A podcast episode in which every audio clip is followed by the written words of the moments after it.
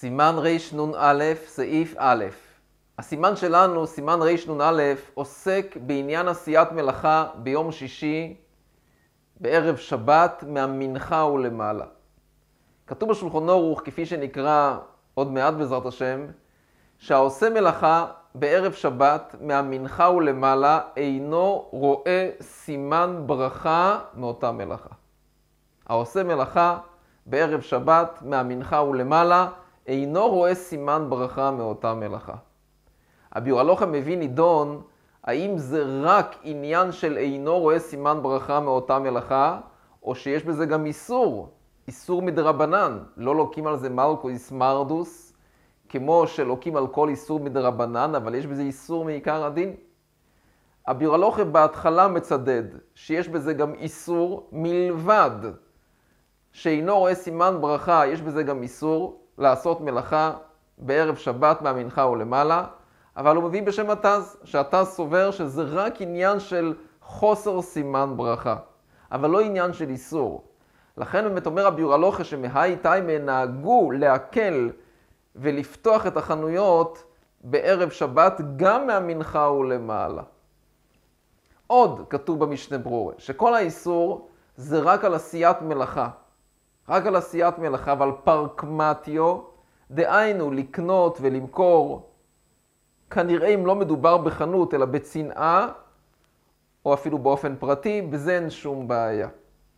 עוד כתוב במשנה ברורה, שמה שכתוב בשולחון אורך אינו רואה סימן ברכה, זה לא אומר שהוא לא ירוויח מאותו מקום. יכול להיות שהוא ירוויח מכאן, אבל הוא יפסיד ממקום אחר.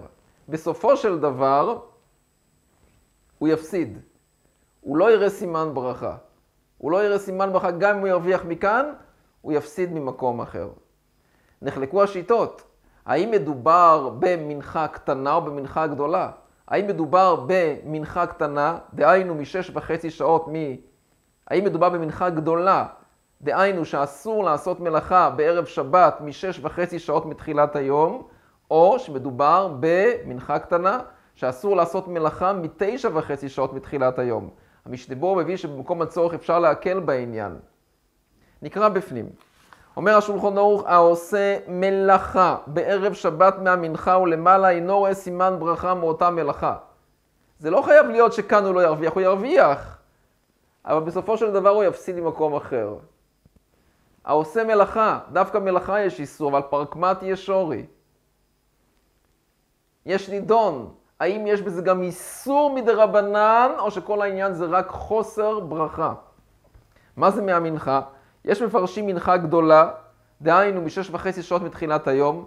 יש מפרשים מנחה קטנה, מתשע וחצי שעות מתחילת היום. יש דיבור אומר כאן, הסומך על המקילים לא הפסיד. הסומך על המקילים, שמהמנחה ולמעלה הכוונה מנחה קטנה, לא הפסיד.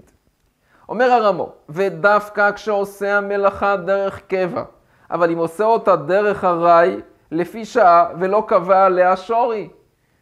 מותר לעשות, מותר לבן אדם לעשות מלאכה מזדמנת ביום שישי, אחרי זמן מנחה. אסור לו לקבוע עליה, דהיינו אסור לו לתכנן מראש, אני אעשה מלאכה ביום שישי מהמנחה ולמעלה. אבל אם הוא לא תכנן, אלא פתאום קרה לו איזשהו צורך שהוא זקוק לעשות מלאכה מהמנחה ולמעלה, מותר. לכן ממשיך האמור, ולכן מותר לכתוב איגרת שלומים וכל כיוצא בזה. למה? כי זה לא מלאכה שהוא קבע עליה, זה מלאכה אקראית, מלאכה מזדמנת, בזה אין בעיה. הביורלוכם מוסיף כאן שלא רק איגרת שלומים מותר לכתוב, מותר גם לעשות מלאכה גמורה.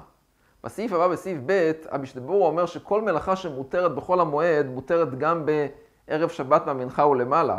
אז איגרת שלומים יכול להיות שבכלל היא מלאכה שמותרת בחול המועד.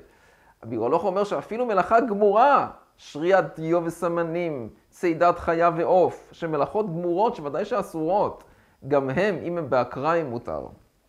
סעיף ב' בסעיף ב' השולחון ערוך מדבר על מלאכות כאלה שמותרים לעשות אותם בערב שבת מהמנחה ולמעלה. מהם אותן מלאכות? לתקן בגדיו וכליו לצורך שבת מותר כל היום. כי זה לצורך שבת, לצורך שבת מותר. והוא הדין בגדי חברו אם הוא לצורך שבת. המשתיבור מוסיף כאן שאותו דבר אני, אדם אני, שאין לו את כל הצרכים שלו. מותר לו לעשות מלאכה בכדי להשתכר, כמו בכל המועד שמותר. אדם שאין לו בשר ודגים כדי לענג את השבת, מותר לו לעבוד ביום שישי מהמנחה ולמעלה כדי שיהיה לו, כדי שיהיה לו לצורך עונג שבת. ואינו נוטל עליה שכר. אם הוא עושה לצורך חברו, שלא ייתן לו לזה שכר. משתבור אומר כאן שלא רק לתקן בגדים מותר, אלא גם ליצור בגדים, לעשות בגדים מחדש, גם זה מותר. והוא הדין למי שכותב ספרים לעצמו דרך לימודו, גם מותר. אין בזה בעיה. למה אין בזה בעיה? או משום שזה דרך ארעי, או משום שזה לא מלאכה שנאסרה. אז לכן זה מותר לעשות גם מהמנחה או למעלה בערב שבת.